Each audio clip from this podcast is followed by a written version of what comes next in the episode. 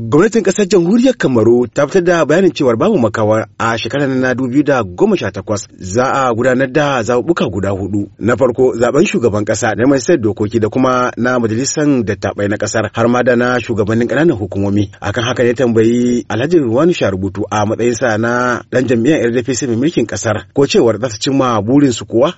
Kadan Allah yadda wannan zaɓe za a yi ta, zaɓe kuma har huɗu. Yanzu ma haka ana shirye-shiryen wannan zaɓen jiya ma na fito mitin daga yawunde. Ana shirye-shiryen wannan zaɓen Allah ya yarda za a yi ta. Kasan Allah ne yake komai. Amma shi shugaba ya faɗa ya sake ya nanata. Ya ce za a yi zaɓen duka. Kuma zaɓen su da lokaci yayi. Kaya kamar yanzu daga zuwa April wata na huɗu za a yi zaɓen su senate senator. Bayan wannan wata na bakwai za a yi zaɓen su mayo da su deputy.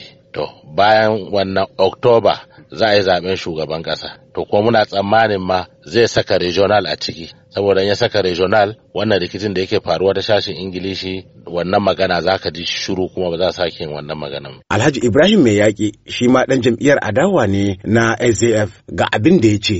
Eh to kasan mamawar ƙasar namu yadda take tafiya. Shugaban kasa shine wuka shine nama. Shi ya magana mun ji shi sa mu ma wakati mun ga mun taro muna mun shirya muna jira. Mu a shirye muke muna jiran sa mu mu ga abin nan. To amma yanda halin take kasan take tafiya yanzu mu ba mu ga cewa wannan zaɓen shekarar nan zai yiwu ba. Shi dai ya faɗa ne muna gani don ya kwantar ma mutane da hankali da ƙasashen duniya gaba ɗaya su ji su tabbatar cewa zaɓen nan. Amma mu muna ganin cewa zaɓen nan zai yi wuya.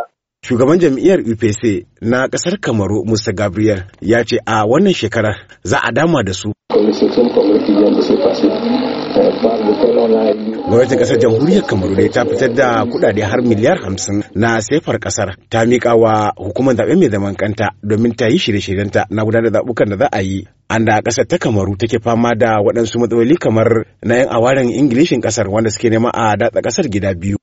Muhammad Awal Garba, muryar Amurka daga ƙasar Kamaru.